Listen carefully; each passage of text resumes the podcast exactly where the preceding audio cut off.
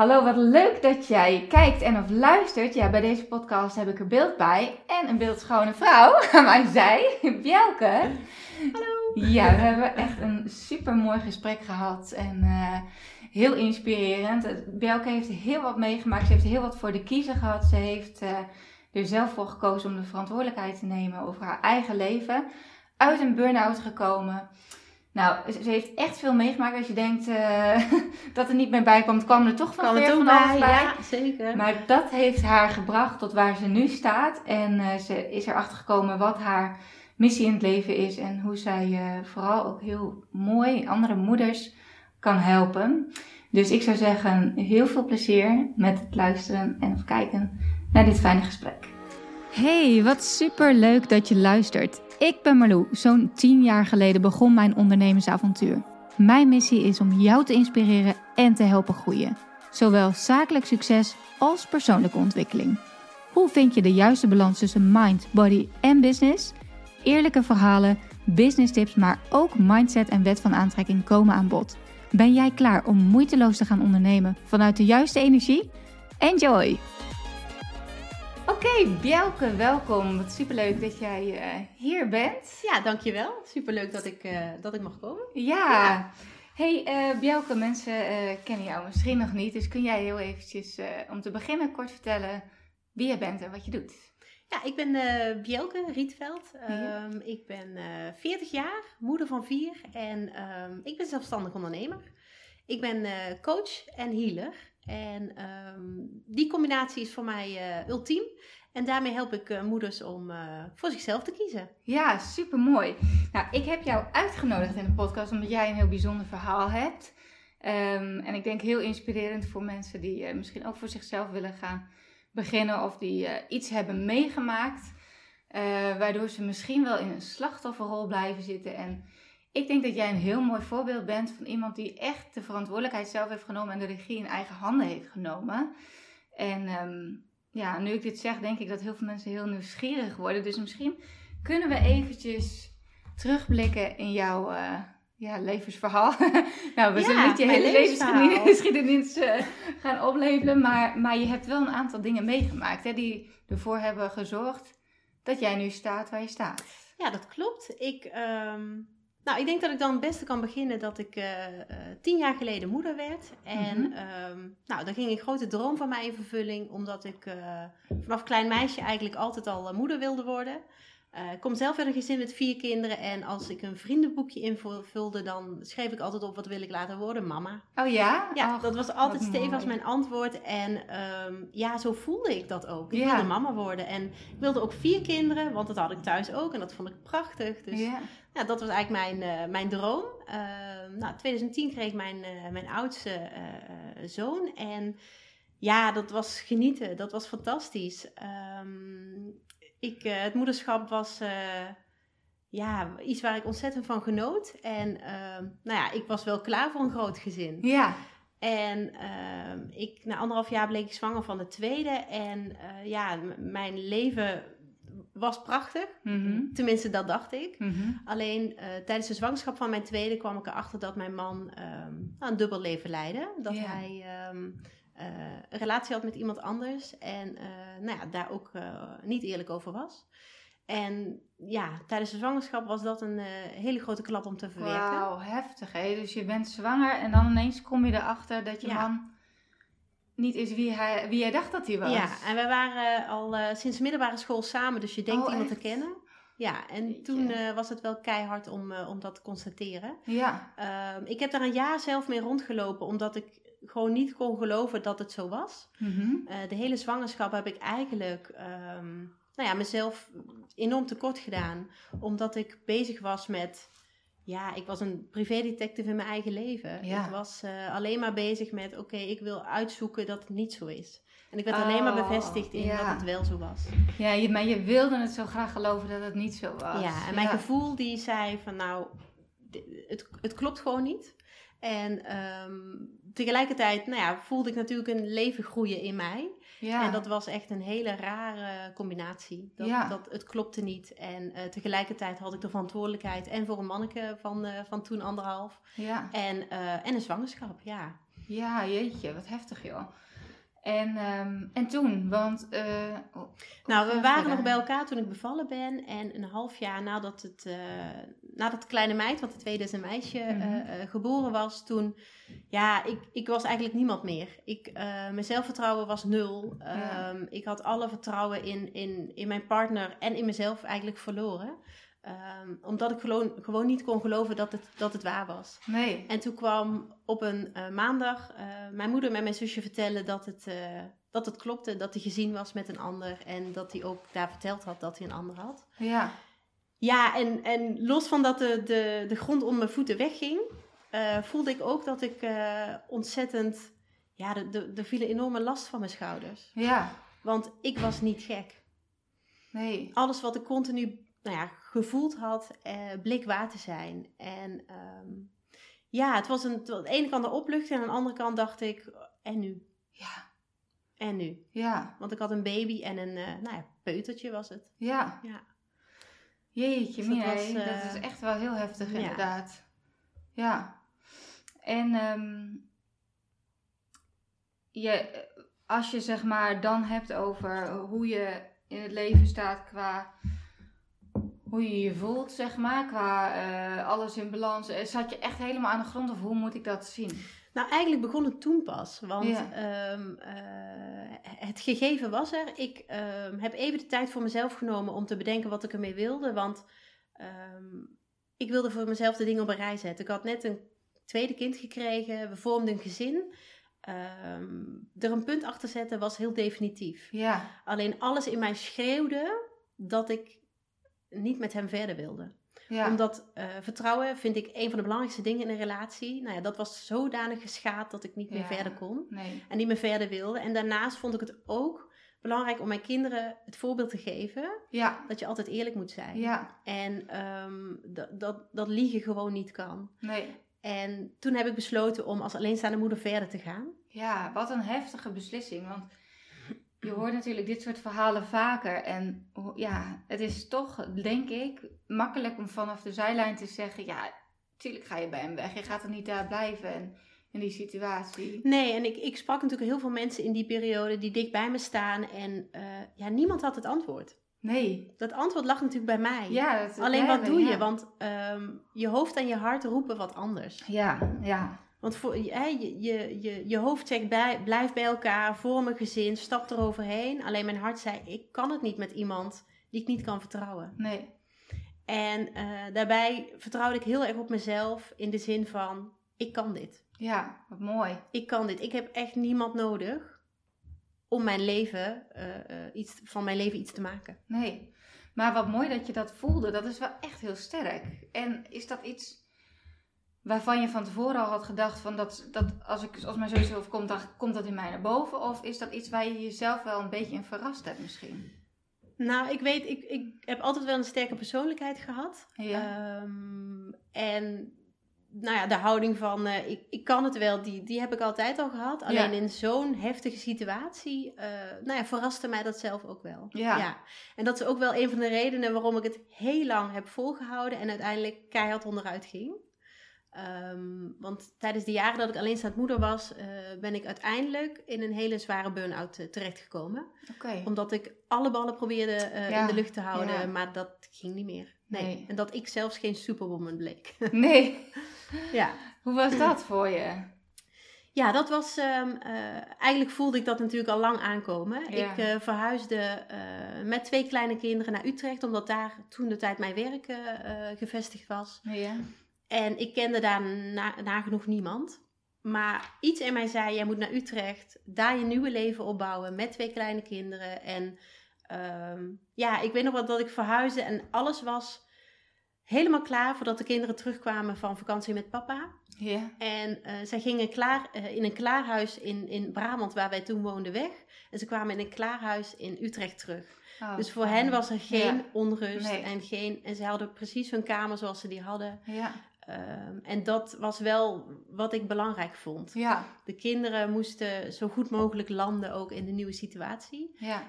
Um, dat was augustus toen. En in november, uh, ja, dingen die voor mij normaal vanzelfsprekend waren, die kon ik gewoon niet meer. Nee. Ik had te lang te veel van mezelf gevraagd. Ja. En uh, ging keihard onderuit. Ja. Ja. Ja, en dat was heel heftig. Want um, nou ja, als alleenstaande moeder eh, heb je die verantwoordelijkheid. Niet alleen voor jezelf, maar ook voor twee kinderen dan. Precies, ja.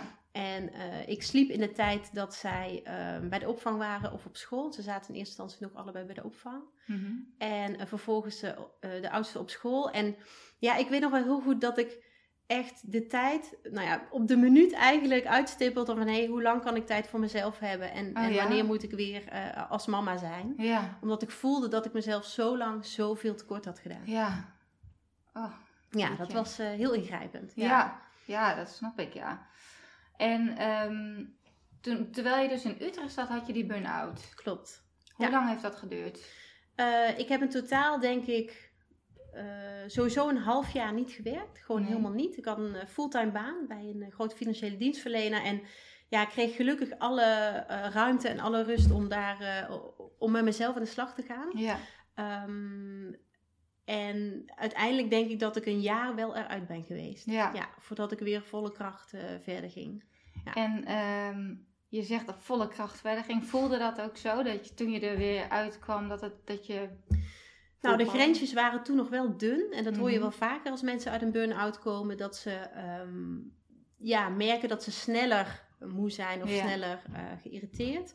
Uh, bij mij was het met name dat ik uh, nou ja, minder lang door kon gaan. Ik voelde ah, heel snel wanneer het voor mij genoeg was. En daar luisterde ik inmiddels ook naar. Precies, dus je had wel de signalen van je lichaam. Ja, dat klopt. Wat je misschien een tijdje te lang had genegeerd. Waardoor je dus in zo'n burn-out ook onder andere terecht bent gekomen kon je nu wel echt goed naar luisteren. Ja, ik had een, voordat ik die burn-out kreeg, uh, dacht ik, ik kan dit. Ja. Terwijl de hele omgeving, uh, de, zowel familie, vrienden als, als mensen die ik gewoon kende, uh, zeiden van, hoe hou je dat vol? En ik dacht, ja, maar dit is gewoon, weet je, hoe ik het moet doen en, en wat ik moet doen. En um, nou ja, gelukkig bleek ik ook een mens.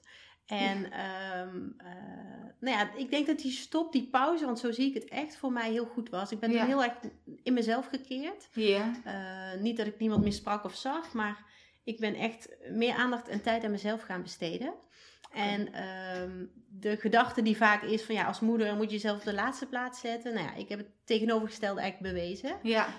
Um, ik heb mezelf de eerste plaats gezet. Ja, heel goed. En door mezelf de eerste plaats te zetten en voor mijn eigen geluk te gaan, heb ik uiteindelijk, nou ja, een, een mega gelukkig leven voor mijn kinderen kunnen, kunnen, kunnen bouwen. Ja, wat mooi. En um, hoe, wat zijn, heb jij tips voor mensen die misschien luisteren en zelf even niet zo lekker in hun vel zitten of inderdaad in een burn-out zitten?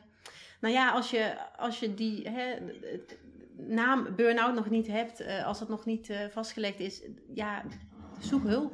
Dat, ja. is, dat is denk ik de eerste. Blijf er niet mee lopen. Ja. ja. Ik dacht eerst dat ik het allemaal wel zelf kon. Nou ja, dat bleek niet zo te zijn. En ik ben ontzettend blij dat ik toen een coach in de hand heb genomen. Die mij um, ja, we hadden meteen een klik en zij was ook uh, spirituele basis. Ja. En zij bracht mij heel dicht bij mezelf. Oh, wat mooi. Ook in het proces van, hey, wil ik dit nou wel, die relatie verder of niet? Oké. Um, kijk, de antwoorden lagen in mijzelf. Alleen, ja, dat aangaan is vaak moeilijk. Ja. Heel confronterend. Want als ik nu die stap zet, is het ook klaar. Ja. En ja, en wat heb ik dan? Ik zag op een mhm. gegeven moment mijn toekomst als een zwart gat. Ja. En als ik nu terugdenk aan die periode, dan voel ik het nog. Ja. Maar weet ik ook hoe, nou ja, hoeveel mooier het nu is geworden. En, en iets wat ik, waar, waar ik nooit van had durven dromen eigenlijk. Nee, precies. Oké, dus de tip is in elk geval zoek iemand uh, die je hierin kan begeleiden. Jij hebt het over een spirituele coach eigenlijk. Ja, klopt. Hoe, hoe kunnen mensen zo iemand vinden? Ehm, nou ja, zelf ben ik uh, uh, iemand die daar, uh, die daar mensen in begeleidt. niet zozeer met burn-out, maar wel als je op zoek bent naar jezelf. Ja. Um, ik richt me vooral op moeders die nou ja, door jaren al moeder geweest te zijn en, en zichzelf wel op die later, laatste plek hebben gezet. in ieder geval zichzelf niet de aandacht hebben gegeven die ze, die ze verdienen. Mm -hmm. um, hen help ik om weer te zien van hé, hey, maar jij bent er ook nog. Ja, en, en vaak is het dan de vraag, ja, maar wie ben ik dan? Ja. En wat wil ik dan eigenlijk? Ja. Want de kinderen zijn redelijk op de plek, of in ieder geval hè, oud genoeg om zelfstandig keuzes, uh, of keuze te kunnen maken of dingen te kunnen doen. En um, ja, wie ben ik? En, en, en eigenlijk heb je als, uh, als vrouw en als, als persoon stilgestaan. Ja. Dat is vaak de ervaring die mensen, mensen hebben en die ik zelf ook wel, uh, wel heb gehad. Ja. Uh, omdat de focus zo gericht is op je kinderen en op je gezin, um, dat je dan ja, jezelf een beetje uh, vergeet. Ja. Ja, en maar jij bent de speel. helemaal. Ja, maar jij bent de Ja. speel. En, Ja. en jij bent degene uh, die de boel draaiende houdt. Ja. En ja, weet je, bedenk maar eens, en dat is natuurlijk worst case, maar wat gebeurt er als jij onderuit gaat? Ja. Wat bij mij dus gebeurde. Precies, en dat is, eh, vind ik altijd zo grappig. Dat hoor je vaker, dat voorbeeld dat ze dan zeggen van eh, in een eh, vliegtuig. Eerst je Eerst eigen zuur- ja. Ja. Ja, want als jij je plat En ligt, zo dan, is eh, het. ja, Zo is het. En ik, ja. ik, kinderen zijn onwijs flexibel. Als ik iets heb, ge- heb meegemaakt, is het wel dat ze, als ik gelukkig ben, ja. zijn zij het ook. ja. Ik heb namelijk nog meerdere stappen gezet in mijn leven die behoorlijk impactvol waren Ja. voor de kinderen. Ehm, na eh, bijna vijf jaar alleenstaand moeder geweest te zijn, ehm, kwam ik via mijn buurvrouw in Utrecht. En dat is nog steeds, denk ik, de reden waarom ik in Utrecht terecht moest Ah, komen. Ja. Oh, ik krijg er een kippenvel van. kwam ik in contact Ja. met mijn huidige man. Oh. En ehm, hij was eh, ook alleenstaand eh, eh, ouder. Ja. Een, een zoontje had hij en ik had natuurlijk een, een zoon en een dochter. En ja, ehm, mijn buurvrouw en zijn zus, dat waren vriendinnen of zijn vriendinnen. Ja. En zij, ehm, zij zagen het helemaal tussen ons. Oh. En ik had hem nog nooit gezien, nog nooit gesproken. Maar ik dacht, nou, ik ben er wel weer klaar voor. Ja. Dus na al die jaren dat ik echt de focus op mezelf had gehad, ehm, nou ja, stond ik er wel voor open om weer, eh, weer iemand te ontmoeten. Ja. En, ehm, en ik merkte wel dat vertrouwen nog steeds een ding was bij mij. Ja, tuurlijk. Ja. Ik, ik ging ook niet zomaar op date met iemand. Nee. Ja, ik had de verantwoordelijkheid voor de kinderen. eh, moest altijd een oppassen regelen. Want ja, Ja. Hè, die waren er, eh, de kinderen waren er natuurlijk altijd. En ik weet nog heel goed dat ik, ehm, ja, ik vertrouwde deze dames. En het feit dat zij eh, eh, mij aan hem wilden koppelen, dat gaf mij zo'n goed gevoel dat ik dacht, nou weet je, ik sta hier voor open. Ja. Eh, het was alleen zo, hij woonde in Drenthe. Oh ja. En ik woonde in Utrecht. En ik had net een aantal jaren keihard gewerkt om mijn leven op orde te krijgen. Ja. Ja. en dan komt er een man voorbij die in Drenthe woont. En oké, dus toen zijn jullie gaan daten. En dat Nou ja, de eerste direct, date eh, was eigenlijk al... eh, dat was sowieso een, een klus om, om afspraak te maken. Want Ja. hij zat met zijn zoontje en ik zat met mijn kinderen. En Ja. nou, uiteindelijk geregeld.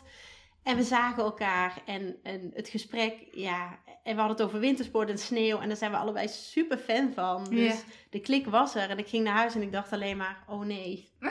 Oh nee, hij is echt heel leuk. Oh nee. En nu? Ja, en nu, ja. Nou ja, tweede date, derde date. Nou, toen was het gewoon, eh, was het gewoon duidelijk. Wij, eh, wij, wij zijn meant to be, dat geloven we echt. Ja. Ik moest, eh, we moesten bij elkaar op het pad komen. En ehm, ja, zo voelt het eigenlijk nog steeds. Binnen een jaar woonde ik in Drenthe met Ja. mijn kinderen. Je bent gewoon weer verhuisd. Weer verhuisd, ja. Ja, en dit keer gelukkig het geluk tegemoet. Precies. Ja, Ja. want de verhuizing naar Utrecht was alles behalve het geluk tegemoet. Dat was Mhm. echt, eh, nou ja, we gaan ervoor en we zien het wel. Ja. En dit was, en toen ging ik natuurlijk ook alleen. En nu Ja. was het, we gingen samen. Ja. Ja, dat was waanzinnig. Ja. En hoe lang is dat nu geleden? Hoe lang woon je nu in Drenthe? Eh, ik woon nu eh, dikke vier jaar in Drenthe. Oké. Ja. Nee, Ja. dikke vier jaar zijn we samen. Sorry, eh, dikke drie jaar wonen we Oké. in Drenthe. Ja. Oké. En ehm, nou, je maakte net al een bruggetje natuurlijk naar je eigen, wat je, Mhm. wat je nu zelf doet. Wanneer, ben jij, ehm, wanneer heb jij die knoop doorgehakt om echt voor het ondernemerschap te gaan?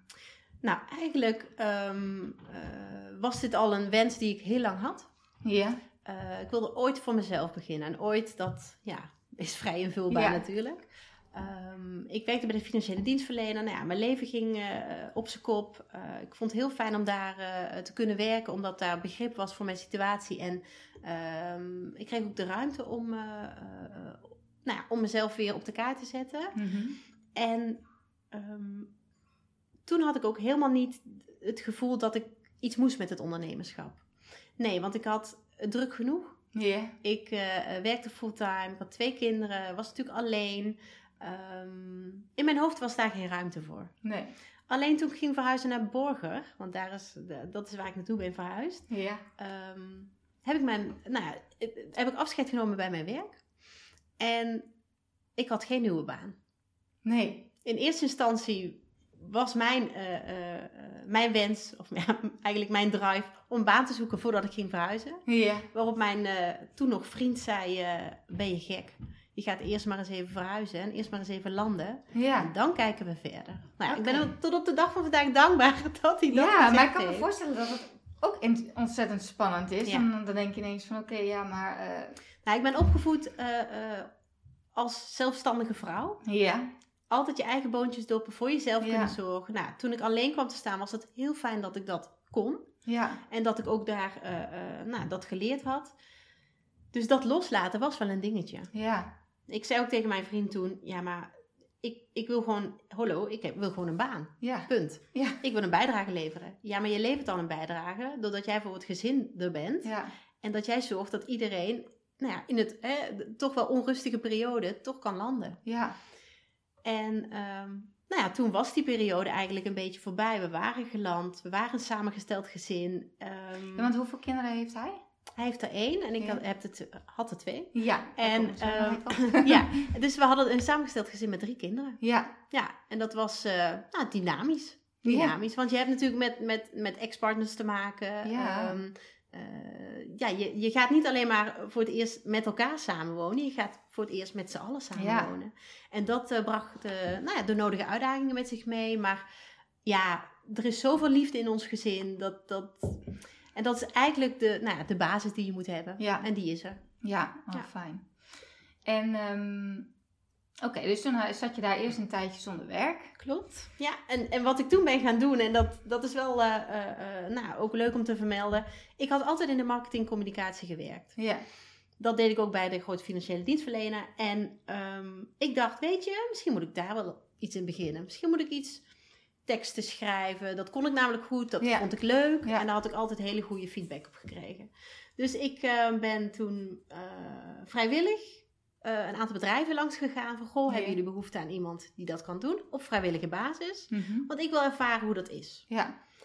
Nou, het leuke is dat alles wat ik maakte, wat ik ontwikkelde, wat ik schreef, dat werd met eh, gejuich ontvangen. Maar ik werd er niet gelukkig van. Nee? Nee. Nee, en dat was voor mij precies wat ik nodig had. Ja. Dit was niet mijn weg. Nee, precies. Nee. Dus het is heel goed dat je dat hebt gedaan om inderdaad te ontdekken van nee, Klopt. hier gaat mijn hart niet sneller van kloppen. Klopt, maar wat ja. dan? Ja, precies. Wat dan, inderdaad. En toen ben ik, ehm, eh, ik, ik wilde iets voor mezelf gaan doen. Toen ben ik naar een eh, bijeenkomst geweest voor eh, vrouwelijke ondernemers. Midden van het land was dat.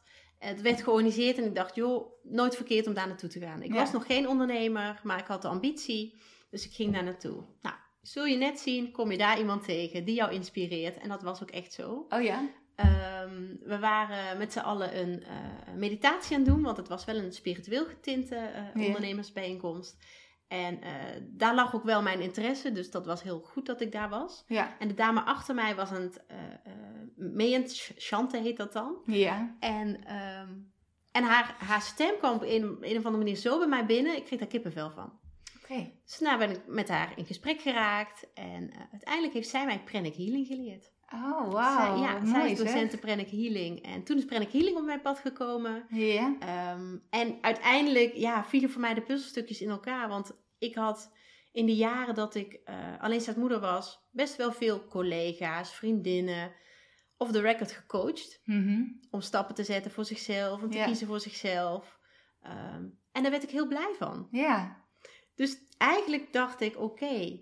dit wil ik gaan doen. Maar Ja. daar wil ik daar ook gewoon mijn werk van maken. Ja. In combinatie met de healing. Ja, want even, ik kan me voorstellen dat er mensen zijn die horen pranic healing. eh, wat is dat? Wat is dat? ja. Pranic. Healing is een hele eh, eh, eenvoudige, maar doeltreffende energie manier eigenlijk, systeem, Ja. ehm, dat ik toepas zonder aanraking van het lichaam. Het Ja. kan dus ook op afstand. ja, precies. Ehm, en het gaat eigenlijk uit van twee wetten. De wet dat het lichaam zichzelf kan eh, beter maken. Mhm. En eh, dat we allemaal prana nodig hebben. Vandaar pranic, prana, eh, om te leven. En dat haal je uit de lucht en uit de zon. Ehm, dus dat- ja, zo haal je eigenlijk je energie. ja. En eh, ehm, heel basic gezegd, je verwijdert de vervuilde energie en je voegt schone prana-energie toe. ja. Ja, dat is wat ik, eh, wat ik doe. ja, mooi. En ehm, Was jij hiervoor ook al bezig met spiritualiteit of is dat echt hierdoor op je pad gekomen? Nee, ik, ehm, eh, voor zover ik me kan herinneren, heb ik altijd wel dingen aangevoeld. Ja. Ehm, ik voelde heel erg spanningen, bijvoorbeeld in een huis of in een groep of in een uh, samenstelling van mensen.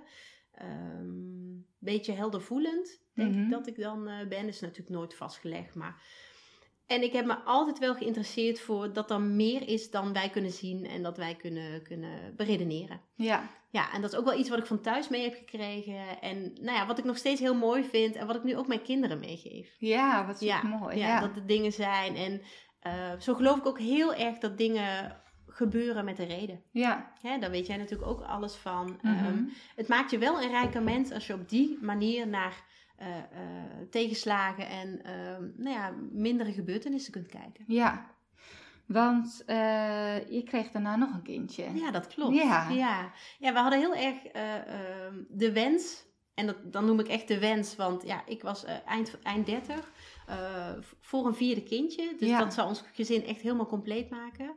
En um, nou, ik raakte dus redelijk snel zwanger, alleen leidde dat twee keer tot een miskraam. Ja. en dat was heel impactvol omdat dat uh, sowieso fysiek, maar ook gewoon, ja, hè, kan het dan wel? Ja, precies, dat, dat maakt onzeker. Ja. En moeten we er dan wel voor blijven gaan? Uh, want we hebben drie kinderen en we hebben een mooi gezin. En um, nou, we zijn op 19 januari 2019 getrouwd. En um, toen zei ik ook tegen mijn man, weet je, we gaan, we gaan er nog een keertje voor. Ja. En ik geloofde heel erg dat we nog een keer een dochter zouden krijgen. Hij had nog geen dochter, ik natuurlijk wel. Um, en in het vliegtuig uh, twee jaar eerder, um, toen we eigenlijk nog, nog niet zo heel lang samen waren, gingen we samen naar New York. Ja. En daar heb ik ook, uh, daar wist ik ook de naam van onze dochter. Oh, echt? Ja, ja, en dat is het uiteindelijk ook en hoe, hoe wist je dat dan? Nou ja, wij keken een tv-serie, uh, Penosa, misschien uh, ja, wel bekend. En uh, daar heb je een, de, de oudste zoon, daar heette Lucien. Ja. En die noemde ze Luc. ja. En toen zei ik tegen mijn, mijn vriend toen nog, ik zei nou dat zou een leuke meisjesnaam zijn. Toen zei hij nou inderdaad, vind ik ook. En toen terugweg in het vliegtuig naar huis um, had ik Luus opgeschreven in mijn telefoon. Ik weet ook niet waarom. En ik had zo de andere drie namen erbij gezet. En dat paste precies. En ze heeft van alle drie de andere kinderen een letter in haar naam. Oh, wauw. En dat is ook de voorkant van, mijn, uh, van het geboortekaartje ja. geworden. Ja. ja, dat is echt uh, eh, super mooi. Ja. En, en dat gevoel had ik dus ook toen wij er nog één keer voor wilden gaan. En toen bleek ik zwanger. En dit keer ging het goed. Ja. En toen bleek het een meisje. Ja, uiteraard.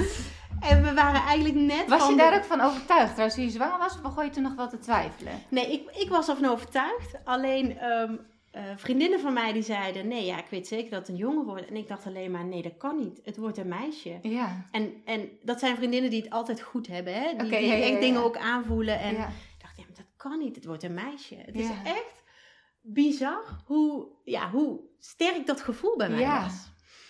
En tijdens de 20 weken echo.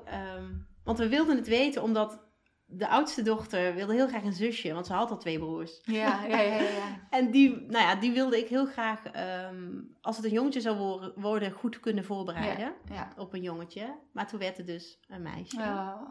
En uh, eigenlijk waren we net pas van uh, uh, dat goede nieuws bekomen toen, mm -hmm. um, toen met 26 weken spontaan mijn vliezen braken. Ja. Ja, dat was het volgende avontuur oh. wat, uh, wat op ons pad kwam. Ga niet op. Uh, wat dat betreft is jouw leven niet saai. Hè? Nee, zeker niet. Nee, want ik ben al twee jaar getrouwd. Yeah. Uh, vorige week twee jaar. En ja, ik zei ook... Eh, ik ehm, ben benieuwd wat de komende jaren nog gaat gebeuren. Yeah. Want in die twee jaar is al zo ontzettend veel gebeurd. Ja. Dat is bizar. Ja. En wat dacht je toen je vliezen braken? Nou, ik dacht eerst ehm, huh, wat gebeurt me nou? Want bij de oudste twee hebben ze de vliezen moeten breken, dus ik kende het gevoel niet.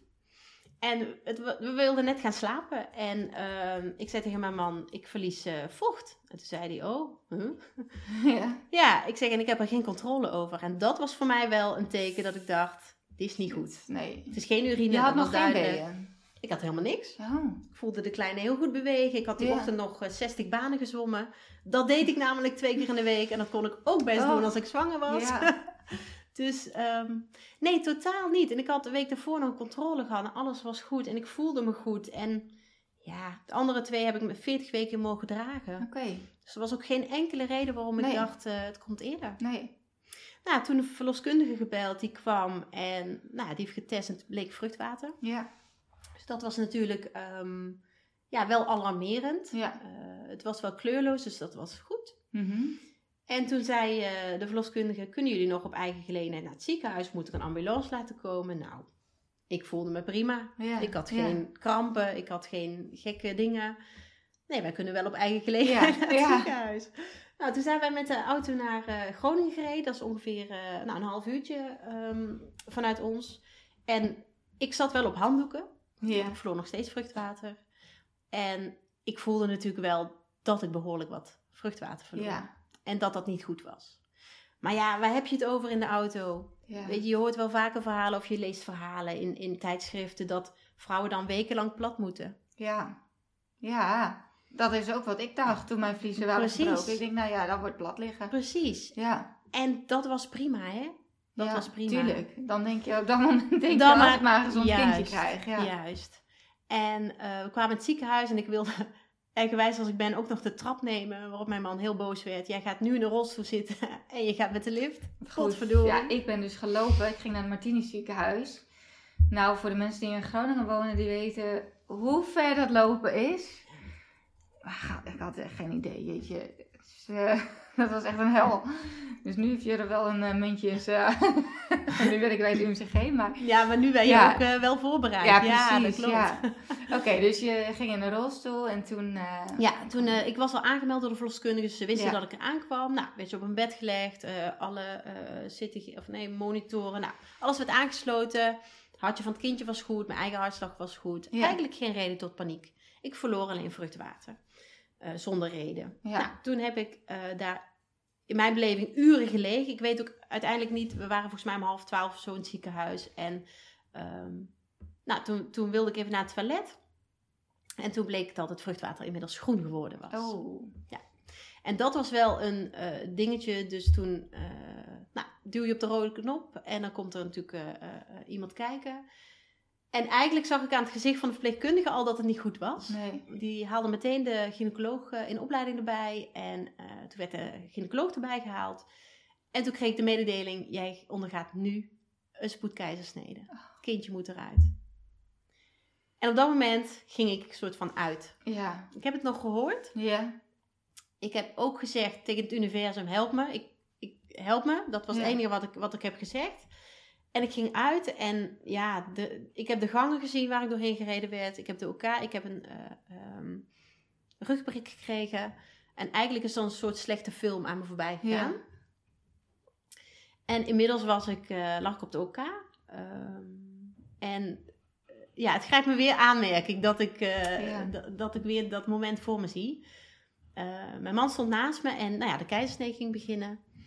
Ehm werd heel erg aan mijn buik geshort. Dat, dat- ik voelde mijn lijf op en neer gaan velden, voelde ik natuurlijk niks. Eh, ik hoorde geen kindje huilen. Ehm, nou, ze waren best wel lang bezig. Terwijl ik dacht, nou, dat kindje is heel klein. Ja. Weet je, het Ja. maken. En hè, mijn zus is gynaecoloog, ik weet ook wel wat eh, daarvan. Ehm, maar het duurde heel erg lang. En ondertussen lag ik te shaken op het bed. Van de adrenaline, maar Ja, ook van alles wat ik toegediend had gekregen. Eh, toch ook van angst. Ehm, ja, het, het, het was echt een rollercoaster waar ik weer in eh, terechtgekomen was. En op een gegeven moment werd mijn man meegeroepen. Ze was er namelijk, maar het ging niet goed. Oh. Nee. En als moeder lig je daar dan en je weet eigenlijk helemaal niks. Nee. En mijn man is nog bij mij geweest. Hij heeft gezegd, ze is er en ik ga nu met haar mee. Maar dat is wel vaag in mijn Ja. beleving. Dat zijn je- jij had vlagen. echt een soort shocktoestand eigenlijk. Ja, dat klopt. Ik was Ja. helemaal aan het shaken. En, en ja, weet je, ze moest er nog helemaal niet zijn. Nee, nee, En dat herken jij natuurlijk. Ja. Dat, dat, dat klopte niet. nee. Dat klopte niet. En ehm, ik weet ook niet meer precies hoe lang het allemaal geduurd heeft. Maar ik was op de uitslaapkamer. Toen kwam mijn man naar me toe met de eerste foto van haar. Ja. En dat was ja, heel bijzonder, maar ook heel bizar tegelijk. Want ehm, ja, ze was mini en ze was helemaal vervormd. Oh. Ehm, kennelijk had ik geen druppel vruchtwater meer gehad. Oké. En ehm, daardoor heeft de baarmoeder heel erg op haar gedrukt. Dus ze was helemaal vervormd in haar gezichtje. Haar neus zat op haar wang. Haar oog zat... Nou, dat was allemaal heel erg akelig om te zien. Ja. Maar ze leefde. Ja. En op dat moment was ik daar ontzettend blij mee. En niemand wist hoe het verder zou gaan. Toen ben ik naar de kraamkamer gereden uh, en met mijn bed en al uh, vervolgens naar mijn dochter gegaan. Ja, en dat moment, dat, dat, nou, dat zal ik nooit vergeten. Dat ik dacht, wow, wat een klein, fragiel, uh, kwetsbaar iets ligt hier. Ja. Hoeveel gram was ze? 860. Oh, echt? Ja, ja, 860 gram. Dat is nog kleiner dan Isalou. 68 gram en 30 centimeter. Dus 900. Of 690. Nee, nee, nee. 690. Ik wou net zeggen, dat kan ook niet. Want die is nee, dat is 690. Maar ja, dat is nog super klein. Ja, dat is nog kleiner dan een pak suiker. Uh, of minder zwaar dan een pak suiker, ja. Ik zag haar liggen en... en nou, ik was eigenlijk heel bang dat we haar vast moesten houden. Omdat, niet omdat ik mijn dochter niet vast wilde houden. Maar ik vroeg me echt af, hoe dan? Hoe dan, ja. Hoe hou je zo'n klein... Want je kon er doorheen kijken. Ehm, en ik was heel bang dat ik haar iets aan zou doen door haar verkeerd vast te houden of zo. Nou, gelukkig was het ook niet uh, dat we haar vast gingen houden. We mochten naar haar kijken. Je mocht haar handen wel door de couveuse op haar leggen. Maar het was nog steeds een, een, ja, een slecht, een, nachtmerrie. Ja, inderdaad. Ja. ja, alsof ik in slaap was gekomen en dacht, oké, weet je, wanneer, wanneer maakt iemand mij wakker? Ja. Dat. Ja. Ja, dat was heel, uh, heel bizar. En ja, eigenlijk was het heel kritiek. Ehm, de eerste 24 uur hebben continu twee, uh, zijn continu twee mensen met haar bezig geweest, van verpleegpersoneel, artsen enzovoort. Mm ja, ze was er nog niet klaar voor. Nee, nee. haar lijfje was er niet klaar voor. Nee. Maar uh, ze had wel de oogjes open, of dat niet? Um, ze had wel, uh, ze heeft meteen een tube gekregen, omdat ze niet, ja, ze kon niet zelfstandig goed ademen. Nee, longetjes uh, longen waren, nog niet rijp. Nee, dus ik heb ook een longrijmspuiten gekregen, nog last minute, maar dat was eigenlijk al veel te laat. Ja. Um, toen ze nog in mijn buik zat. Ja, ze, ze, ze bewoog wel en ze kermde een beetje, waarschijnlijk omdat ze gewoon pijn had. Ja. Ja, en ze werd met een minuut blauwer omdat ze met grof, nou ja, grof geweld. ze hadden haar heel erg uh, hard eruit moeten halen. Omdat de baarmoeder heel erg aan haar trok. Ja. ja. En dat was uh, ja, behoorlijk uh, heftig om te zien. Nou, dat kan ik me heel goed voorstellen. Maar ze heeft het overleefd. Ze heeft het overleefd. Ja, ja ze is nu bijna 11 kilo. Ja, oh, ja, het is bizar. Het is, um, het is echt vanaf het eerste moment een knokkertje gebleken. Ja, jeetje. Ja, een levenslust. En ik. Um, nou, lig ik in mijn ziekenhuisbed nadat ik, nadat ik Luus dan voor het eerst had gezien. Toen zei ik ook, universum, geef me alsjeblieft een teken dat het goed komt. Ja. Want iets in mij zei, hoe vroeg ze ook geboren was en hoe kritiek het ook was, zij ging het overleven. Ja. Alleen ik vroeg een teken, dat doe ik regelmatig. Dat herken je ook. Ehm, en mijn man doet de gordijnen open en ik zie een prachtige regenboog. Wauw. Ja, en dat was voor mij het allermooiste teken ever. Ja. Ik dacht, ze komt er. En die middag sprak ik mijn beste vriendin, die HP-tante is. En die zei, weet je Biel, ik heb vanmorgen zo'n mooie regenboog gezien. Ze gaat het overleven. Nou ja, dat was, uh, meer hoefde ik niet te horen. Nee, precies. Dat was het teken. Ja, het was het teken. Ja. Hoe oud is ze nu? Ze is nu uh, ze is van september, dus uh, nou, richting de anderhalf gaan we al. Maar gecorrigeerd uh, eh, 13 maanden. En um, je moet ook altijd rekenen met gecorrigeerde datum. Omdat ze qua ontwikkeling gewoon uh, ja, achterloopt op haar geboortedatum. Ja, precies. Dat is natuurlijk niet fair om, nee. om te zien. Nee. nee. Maar het is een, uh, een dapper ding. Ja. En ze weet ook precies wat ze wil. dus ik roep ook altijd, uh, dit belooft nog wat. Ja. Deze kleine dame. Inderdaad. Oh, maar wat super, super fijn. Hè? En wat heftig tegelijk ook. Het is echt uh, onvoorstelbaar. En um, ja, eventjes terug naar ja, wat je nu doet. Want je mhm. bent nu ondernemer. Je bent voor jezelf begonnen. Je hebt de stap ja. genomen. Ja, klopt. Ik was in april 2019 begonnen. En uh, ik, nou ja, eind die maand bleek ik zwanger. Ja. Dus toen dacht ik, oké, we gaan nog allemaal dingen regelen voordat de kleine komt in december. Rond kerst was ik uitgerekend. Nou ja, dat liep natuurlijk anders. Ja. Toen ben ik er acht maanden uit geweest. Uh, enerzijds natuurlijk omdat Luus uh, 15 weken in het ziekenhuis heeft gelegen. Ja. En daarna heb ik ook nog maanden nodig gehad om bij te komen. Ja. Sowieso van, van wat er allemaal gebeurde, maar ook gewoon fysiek. Hè? Fysiek herstellen. Want ja. Nou ja, als je in zo'n situatie zit, dan is alles belangrijk behalve jezelf. Mhm, Mijn eigen herstel, ik had toch een zware keizersnede gehad. Ehm, en ik merkte dat ik fysiek daar wel nou ja, van bij moest komen. Ja. Dus dat heb ik gedaan. Toen begon ik in april 2020 weer met mijn bedrijf. Want ik had er zin in, ik was er klaar voor. En toen dacht ik, oké, maar wie wil ik nou eigenlijk helpen? Ik wil iedereen helpen. Ja. En uh, nou ja, wat, wat, wat de situatie met Luus mij wel geleerd had was, weet je, it's now or never. Mm Ja. Je moet het nu doen. Niet uitstellen. Niet meer uitstellen. Je weet nooit hoe het leven loopt. En tuurlijk, dat had ik al ervaren, maar dit was een soort van uh, uh, mega bevestiging. Ja.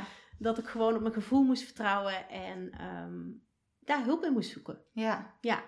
Ja, want ik worstelde heel erg met de vraag, ja, maar wie wil ik nou helpen? Ja. Ik had meerdere cliënten al gehad, allerlei verschillende personen, verschillende achtergronden. wel grotendeels moeders, dat was wel, mm -hmm. wel uiteindelijk natuurlijk grappig.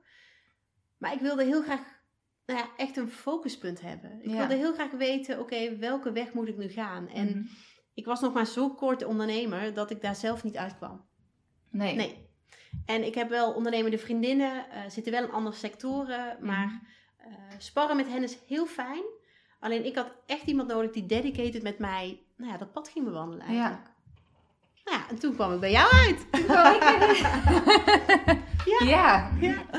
Ja, ik um, werd door een vriendin van, ja, van mij op jou gewezen. Zij volgt jou al een hele tijd. En uh, ja, zij vond ook vooral de combinatie tussen ondernemerschap en toch spiritualiteit die jij ja. uh, combineert um, heel erg mooi. En zij zei, joh, Biel, weet je, informeer eens. Ja. Toen ben ik op jouw site gaan kijken en toen heb ik een uh, call met jou gepland. Ja.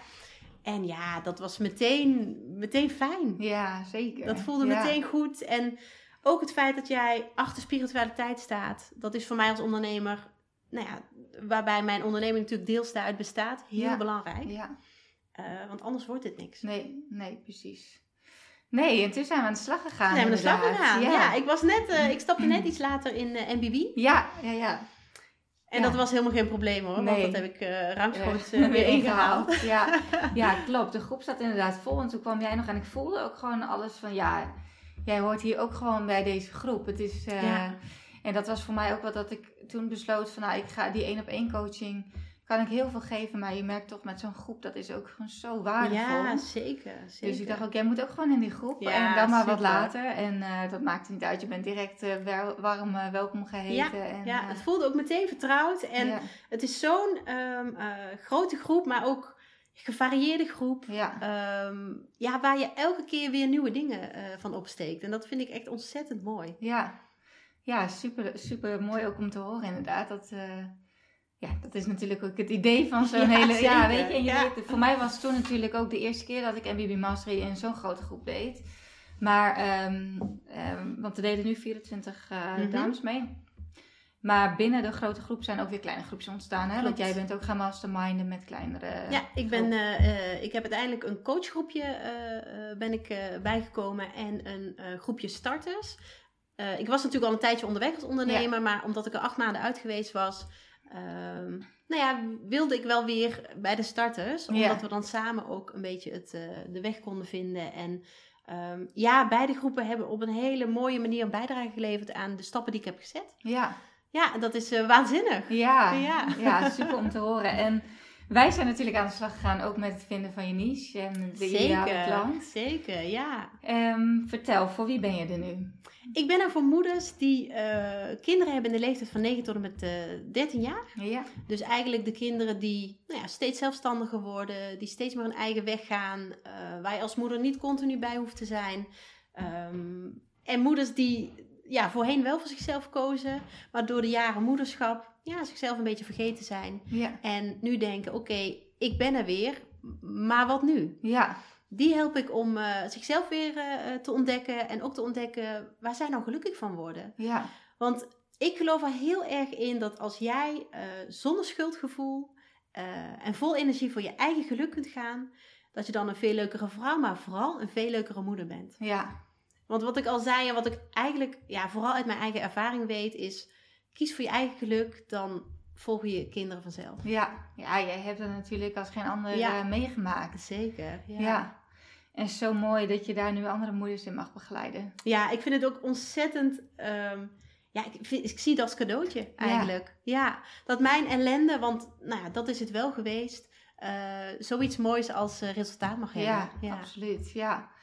En, um, en, en nou ja, je hebt je doelgroep gevonden, je ideale klant. Ja, klopt. En uh, nou ja, je bent natuurlijk nog, wat dat betreft, in een redelijke opstartfase. Maar um, hoe vinden ze jou?